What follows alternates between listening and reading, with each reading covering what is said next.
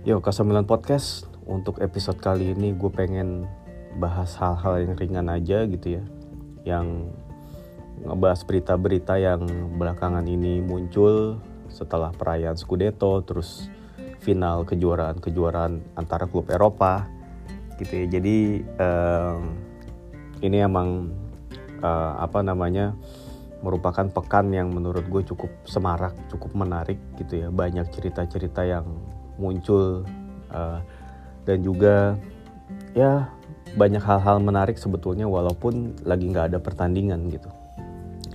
Tapi sebelumnya uh, gue mau ngucapin terima kasih juga kepada teman-teman yang ternyata uh, cukup banyak yang mendengarkan episode sebelum ini yaitu tentang dunia jersey gitu ya um, tadinya gue pikir tuh pembahasan tentang jersey itu nggak akan terlalu diminatin tapi ternyata kalau ngelihat dari jumlah pendengar sekaligus juga ada beberapa yang menanggapi setelah postingan tersebut ada yang merasa dapat informasi gitu ya.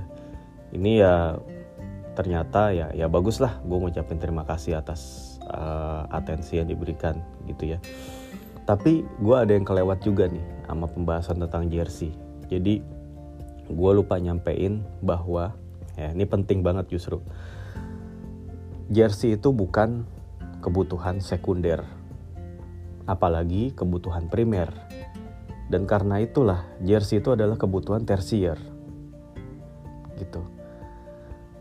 Karena jersey itu kebutuhan tersier ya gue menyarankan bahwa lo jangan uh, membeli jersey kalau kebutuhan primer dan sekunder lo itu belum terpenuhi gitu. Ya contohnya lo jangan beli jersey kalau nanti ya lo akan makan mie instan selama sebulan gitu. Ya buat apa? Gitu ya. Terus lo juga jangan beli jersey kalau tujuannya cuma buat gaya-gayaan doang gitu ya. Terus sementara itu ya banyak kebutuhan lain di rumah yang nggak bisa lo penuhi gitu lu beli jersey tapi anak lu nggak bisa bayar sekolah. Ya jangan juga lah. Lu beli jersey tapi uh, istri lu jadi nggak bisa belanja bulanan. Ya jangan begitu juga gitu. Banyak prioritas prioritas, prioritas lain yang emang uh, dibutuhkan yang harus dipenuhi dulu gitu. Sebelum lu membeli sehelai jersey gitu ya. Yang mana ya membeli jersey itu bukan bukan segalanya gitu. Artinya lu juga tetap masih bisa uh, nonton bola dan juga ngikutin sepak bola kok tanpa harus lu beli jersey gitu ya. Ini bukan sebuah manifestasi apa pun gitu lo membeli jersey. Dan juga bukan pembuktian apa pun gitu. Ya kalau gue sih ya kalau gue pribadi ya gue beli jersey karena gue seneng aja udah gitu. Gue bukannya pengen gimana gimana gitu. Ya cukup gue seneng dan kebetulan gue bisa beli aja gitu tapi ya kalau emang kita dalam posisi yang tidak bisa membeli dulu gitu ya ya selalu bisa ditunda selalu bisa ditunggu gitu ya. Selalu bisa selalu ada kata nanti lah namanya juga namanya juga kebutuhan tersier kan. Ya selalu ada kata ah ntar dulu ntar dulu. Gitu. Nggak ada jersey pun juga nggak apa-apa. Nggak ada jersey pun juga uh, hidup lu nggak akan berubah gitu loh dan kalau lo punya jersey pun juga hidup lo juga nggak akan berubah juga sama gitu. Intinya ya gimana ya uh, pokoknya jangan menggantungkan sesuatu dengan kebendaan lah. Gitulah. Ya pokoknya uh, just for fun aja gitu ya. Ini juga gue juga kemarin cuma ngasih pandangan-pandangan begini gini gini gitu ya.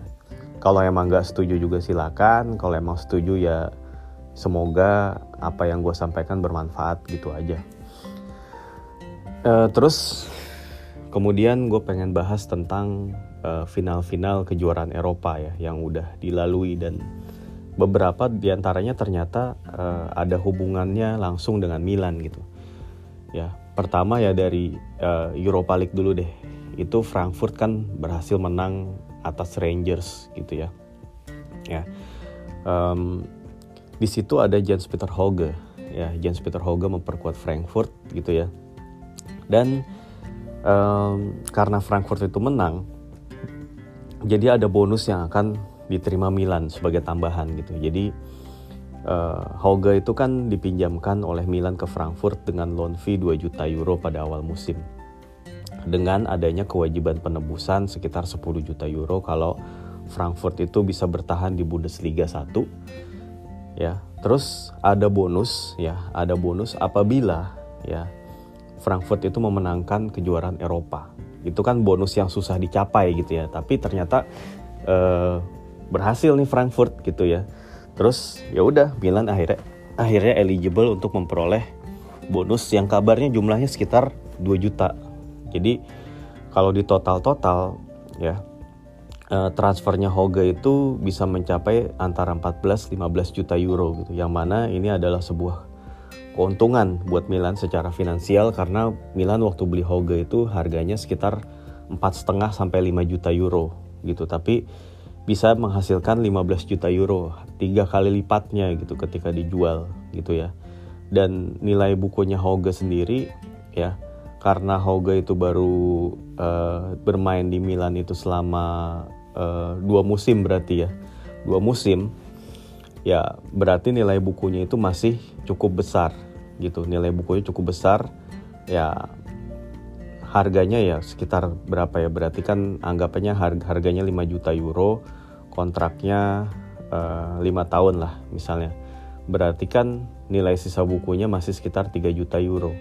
Ya 3 juta euro lu bandingin sama uh, eh, 15 juta ya dengan harga harga belinya gitu harga jualnya sorry itu kan menghasilkan keuntungan yang bisa direinvest lagi sama Milan gitu ya Terus kemudian uh, itu soal Europa League. Nah sekarang soal Conference League. Conference League itu uh, Roma akhirnya bisa memenangkan uh, sal, uh, kejuaraan Eropa pertama mereka. Gue nggak tahu sejak kapan.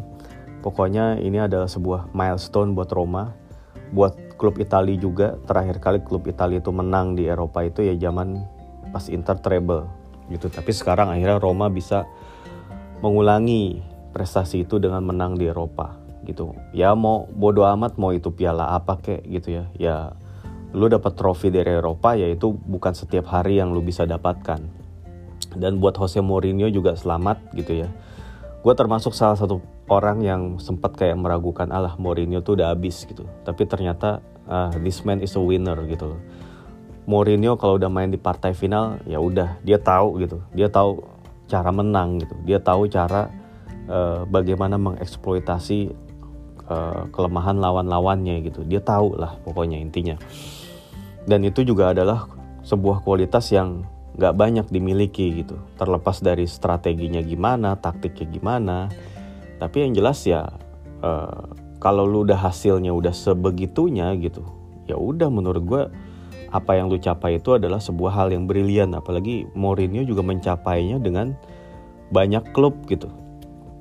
Ya lu juara champion sama Porto juara champion sama Inter juara Europa League sama MU sekarang juara Conference League sama Roma gitu kan.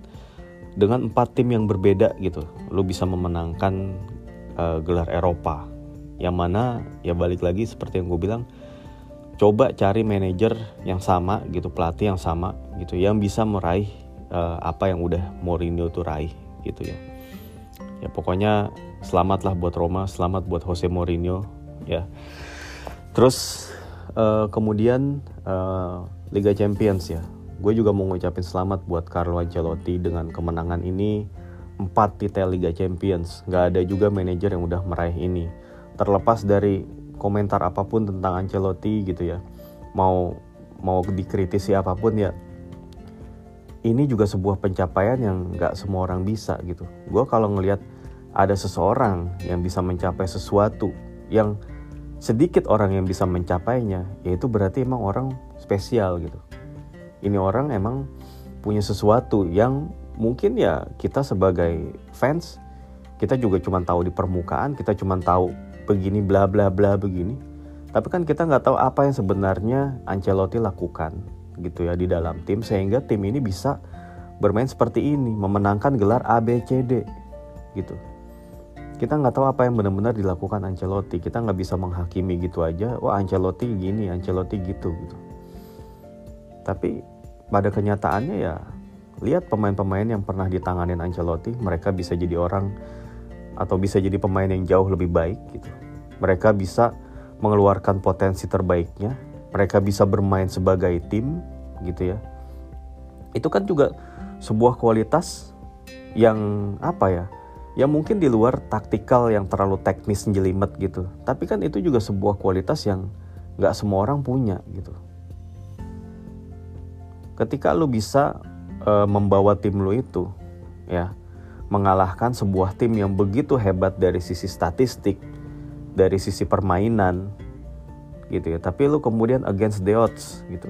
Dan ini bukan cuma sekali dua kali doang. Tapi lihat perjalanan Real Madrid bisa ngalahin Man City, Chelsea, PSG dan sekarang Liverpool. Itu kan mau bukti yang bagaimana lagi gitu. Mau disuruh ngalahin siapa lagi Real Madrid musim ini gitu. Gue terus terang nggak terlalu peduli ke, uh, apa ya sekalipun misalnya Liverpool menang dan kemudian uh, jumlah trofi Liga Championsnya sama dengan Milan sama-sama tujuh gitu. Karena pencapaian yang diraih tim lain itu bukan jadi problem gue sebagai fans Milan gitu. Gue nggak pernah mempersoalkan oh tim ini menang jadi gue jadi miser uh, jadi miserable buat gue gitu. Enggak gue nggak menjadikan itu sebagai uh, sikap gue kalau emang tim bisa memenangkan sesuatu ya it's because of their hard work gitu. Itu karena kerja keras karena emang kemampuan mereka. Bisa jadi karena keberuntungan mereka ya pokoknya intinya ya udah gitu. Ketika tim lain menang atau mencapai sesuatu yang melebihi tim yang kita dukung ya udah. So what gitu ya. Tapi di sini ya gue juga mau nyampein emang uh, squad Madrid itu emang gimana ya mereka udah berpengalaman banget gitu ya terutama lini tengahnya mereka bisa menghandle semua pressure mereka bisa ngatasin segala jenis permainan lawan ya menurut gue sih itu udah one of the greatest gitu loh. Ya, kalau Milan kapan bisa ngejar itu ya nggak tahu kapan. sampai benar-benar kompetitif aja gitu baru bisa ngejar lagi. Atau sampai Real Madrid ini kelar masanya pemain-pemain ini ya terus akan digantiin oleh tim lain ya. Dari situlah Milan mungkin bisa menyeruak nanti gitu. Kalau seandainya Milan itu bisa bermain at their level. Gitu sih menurut gue nah, terus selanjutnya juga uh, oh ya gue juga mau ngucapin selamat juga untuk Inter atas kemenangan di Coppa Italia dan sekaligus Super Coppa gitu ya gue mungkin belum sempat ngasih selamat uh, ke Inter juga. Dan bagaimanapun gue juga harus akui Inter itu uh, memainkan sepak bola yang hebat sepak bola yang uh, sangat uh, apa ya agresif nyerang gitu. Gue ngelihat kalau apa ya kalau Inter main itu kayak ngerasa ah ini sih udah pasti bakal gol nih. Ya ini pasti pasti bakal bisa comeback nih ya yang paling gue lihat ya pas pertandingan lawan Empoli yang waktu itu ketinggalan 0-2 dulu.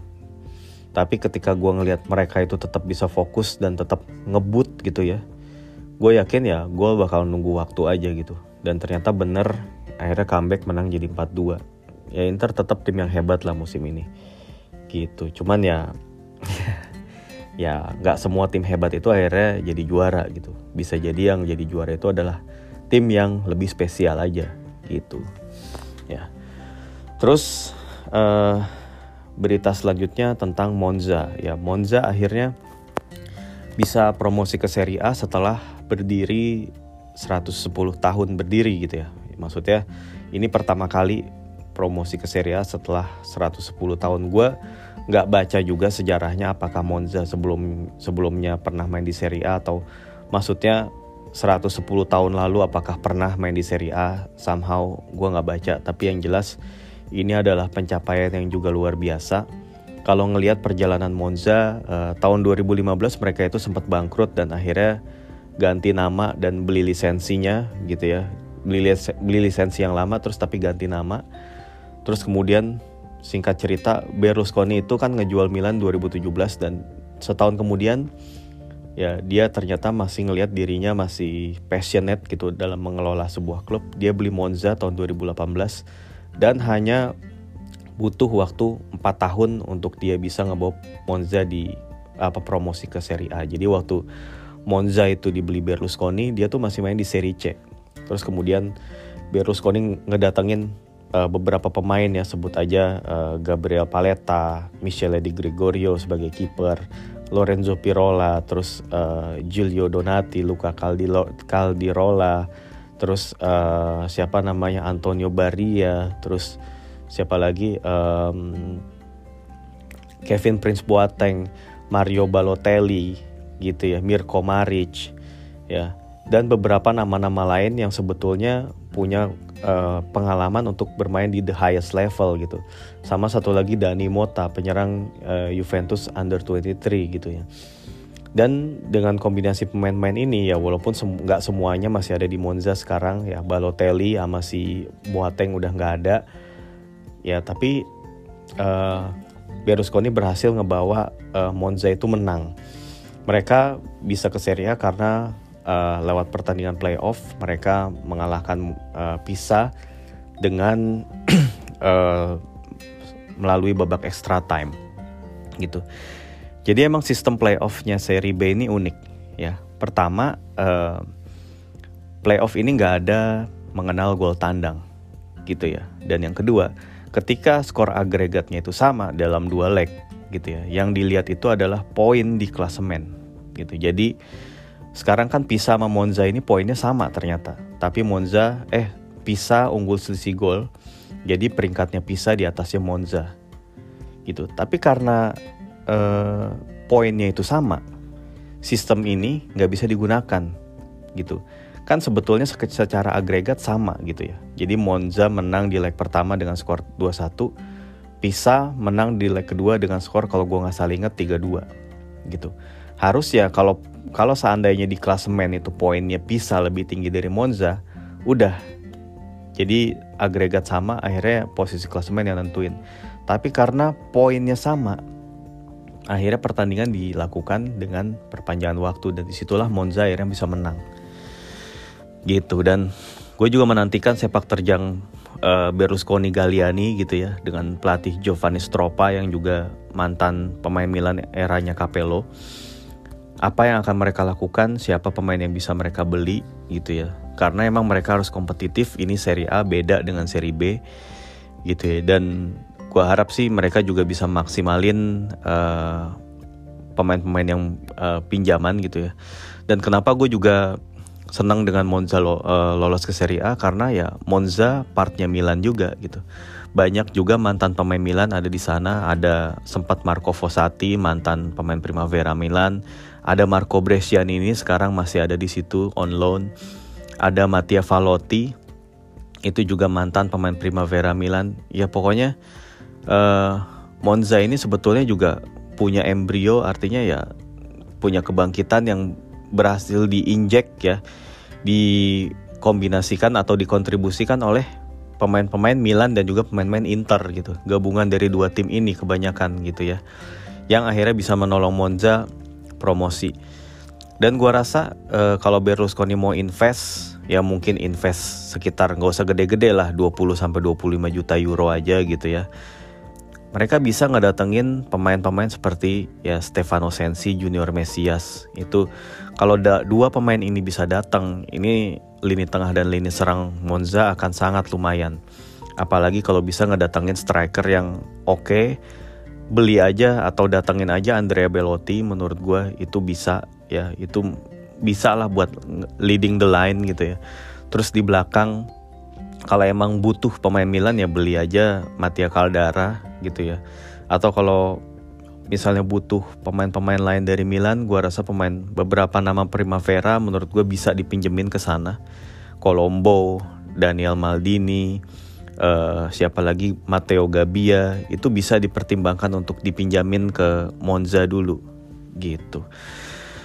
Terus ya apalagi ya berita ya paling um, dari sisi komentarnya atau wawancaranya Paolo Maldini. Nah ini kan sempat jadi berita yang menghebohkan beberapa hari lalu di mana Maldini itu speak up gitu.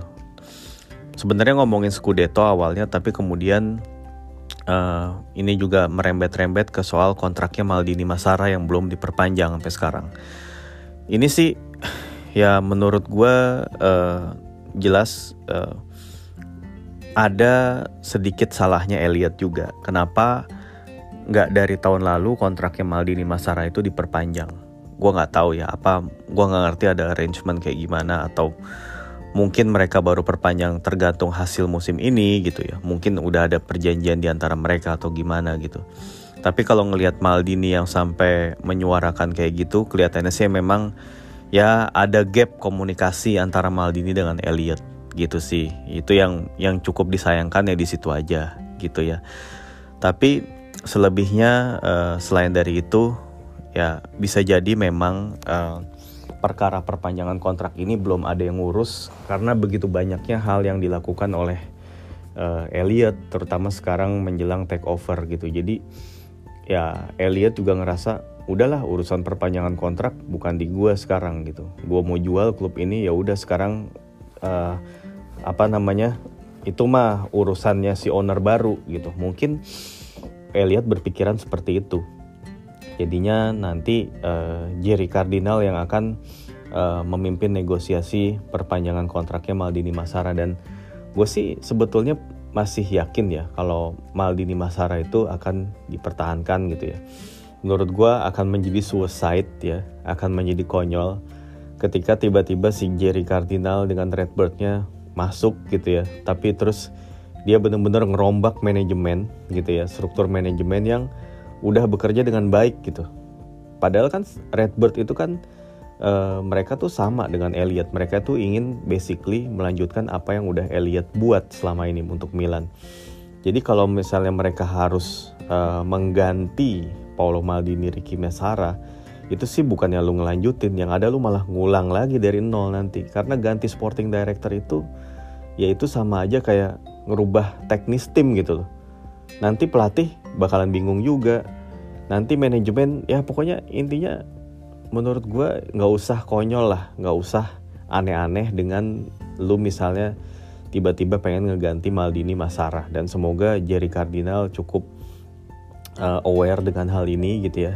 Dia juga katanya kan uh, sebenarnya udah ada di Itali untuk mencoba menegosiasikan hal ini. Dari postingan di Twitter ada fotonya si Jerry Cardinal ikut merayakan bersama fans-fans Milan di Katedral Duomo depan Katedral Duomo. Jadi ya harusnya negosiasi ini ya a matter of formality gitu ya dan semoga setelah dirampungkan benar-benar ya yang pertama kali ya first thing yang akan dilakukan oleh Jerry Cardinal ya tentang kontraknya Maldini Masara. Baru abis itu semua transfer-transfer yang pending itu bisa dikelarin gitu. Dan juga uh, eh, gue sendiri juga nggak mau terlalu mikirin rumor-rumor transfer banyak nama yang circulating gitu ya. Gue ngerasa ah ini sih cuman uh, mungkin bisa-bisanya media aja ngegoreng isu-isu kayak gini supaya mereka tetap dapat banyak pembaca gitu. Tapi ya ya ini semua itu tetap akan nunggu ownership baru gitu ya. Lu bisa nyebut semua nama di dunia ini. Ya semua nama yang sedang dideketin Milan lu bisa nyebut siapa pun itu tapi ya tetap kepastiannya nunggu ownership ganti. Gitu. Begitu juga pemain yang mau keluar ya yang juga mau perpanjang kontrak seperti uh, Leao gitu ya. Jadi Leao ini kan kabarnya bakal minta gaji gede gitu ya. Kabarnya uh, apa namanya uh, banyak sekali tim-tim dari Eropa yang ngincar dia. Real Madrid sempat diberitain bakal mau ngeluarin 120 juta euro. Belum sekarang Manchester City gitu ya. Walaupun gue juga nggak nggak bisa ngebayangin sih kalau Leao yang bener-bener gayanya itu banyak ngedribble main di timnya Pep Guardiola yang sangat-sangat terstruktur rigid yang harus passing passing passing gitu ya ya gue nggak tahu apakah Leo bakal fit di sana makanya gue bingung kok pada Leo mainnya cara mainnya kan beda dengan yang diinginkan Pep gitu. Tapi kenapa tiba-tiba ada rumor Manchester City menginginkan Leo gitu? Maksudnya dari mana dasarnya semua ini gitu? Ya. Apalagi uh, City juga udah bakal beli Erling Haaland gitu ya. City masih punya pemain-pemain sayap yang bagus, ada Mares, ada uh, Bernardo Silva, ada siapa lagi itu ada Sterling ada Jack Grealish ya bahkan ada Phil Foden yang juga bisa main di situ. Why would they need Leao gitu? Seperti halnya kayak gue juga rada bingung kalau seandainya Real Madrid uh, juga ngincar Leao. Mereka masih punya Vinicius mereka masih punya Rodrigo. Ya kalau emang buat squad depth ya oke okay lah. Alasannya buat kedalaman gitu. Ya tapi kalau harganya sampai 100 cuma buat kedalaman squad harganya bisa sampai seratusan juta itu juga rada-rada nggak make sense kalau buat gue ya gitu. Jadinya apa ya dalam setiap bursa transfer gue juga ngelihat mencoba untuk ngelihat logiknya di balik di balik berita-berita seperti ini gitu. Yang menurut gue sih berarti sejauh ini uh, ketertarikan eh, Real Madrid sama Man City itu masih ini sih menurut gue masih sangat terlalu terlalu prematur gitu ya. Gue lebih ya walaupun dibandingin City gue lebih ngelihat lebih masuk akal uh, Real Madrid yang lebih butuh Leao gitu. Karena faktor Benzema juga udah semakin senja gitu. Bisa jadi Leao akan diproyeksiin sama Ancelotti untuk jadi penyerang tengah. Who knows? Gitu akan dikembangin di situ terus. Jadi Leo bermain bersama Vinicius dan Rodrigo gitu atau Valverde di situ. Jadi ya siapa tahu emang bisa di launch lagi gitu. Itu masih uh, kalau ke Madrid masih bu, masih lebih bisa memungkinkan daripada ke City gitu kalau menurut gue gitu sih. Atau mungkin ke PSG kalau seandainya uh, eranya Neymar udah berakhir. Itu masih bisa make sense gitu. Ya uh, tapi tetap gue sih berharap Leo stay di Milan gitu. Gue rasa ini sayang kalau Leo pindah karena dia belum apa-apa gitu. Ya baru sih baru menangin Scudetto tapi menurut gue Leo tuh harus berusaha dulu untuk menggawa, ngebawa Milan tampil better di Eropa gitu ya. Memenangkan sesuatu di Eropa kalau perlu. Barulah habis itu kalau emang dia pengen pindah ya pindah. Setelah itu dia akan lebih dihormati gitu. Sebagai legend Milan seperti halnya Shevchenko seperti halnya Kakak gitu. Lihat apa yang udah mereka raih di Milan. Lihat apa yang udah mereka perjuangkan apa yang udah mereka lakukan. Dari situlah fans kemudian akan benar-benar menaruh respect gitu. Ketimbang kalau lu cuman kayak ditawarin gaji lebih gede aja gitu ya lu langsung pindah gitu. Nggak sabaran gitu ya. Tapi kita nggak tahu lagi-lagi ini adalah era yang berbeda. Komisi agen tuh bisa gila-gilaan permintaan gaji gila-gilaan, transfer pemain juga gila-gilaan. Kalau uang udah berbicara dan uang itu udah berbicaranya terlalu lantang, ya kadang-kadang ya pemain yang mau bagaimanapun loyalnya atau atau bagaimanapun berterima kasihnya sama klubnya ya, ya semua bisa digoyang gitu. Ya. Ya udah uh, apa lagi ya? Gua rasa itu aja sih berita-berita yang uh, menarik gitu ya uh, paling ada berita komiso yang meragukan si Jerry Cardinal ah ini bukan uang dia gitu ya gue nggak tahu ya gue nggak tahu dari mana komiso membuat pernyataan tersebut ya. Gue rasa harus ada datanya dulu harus ada yang bisa divalidasi dulu. Kita nggak bisa telan mentah-mentah omongan dari seseorang. Gitu ya. Terus apalagi ya? Uh, gua rasa sih udah itu aja dulu. Paling lain kali uh, gua akan sambung dengan bahasan lain untuk sementara gua akhiri dulu. Terima kasih udah dengerin Kasamilan Podcast. Sampai jumpa lagi dalam episode-episode selanjutnya. Ciao you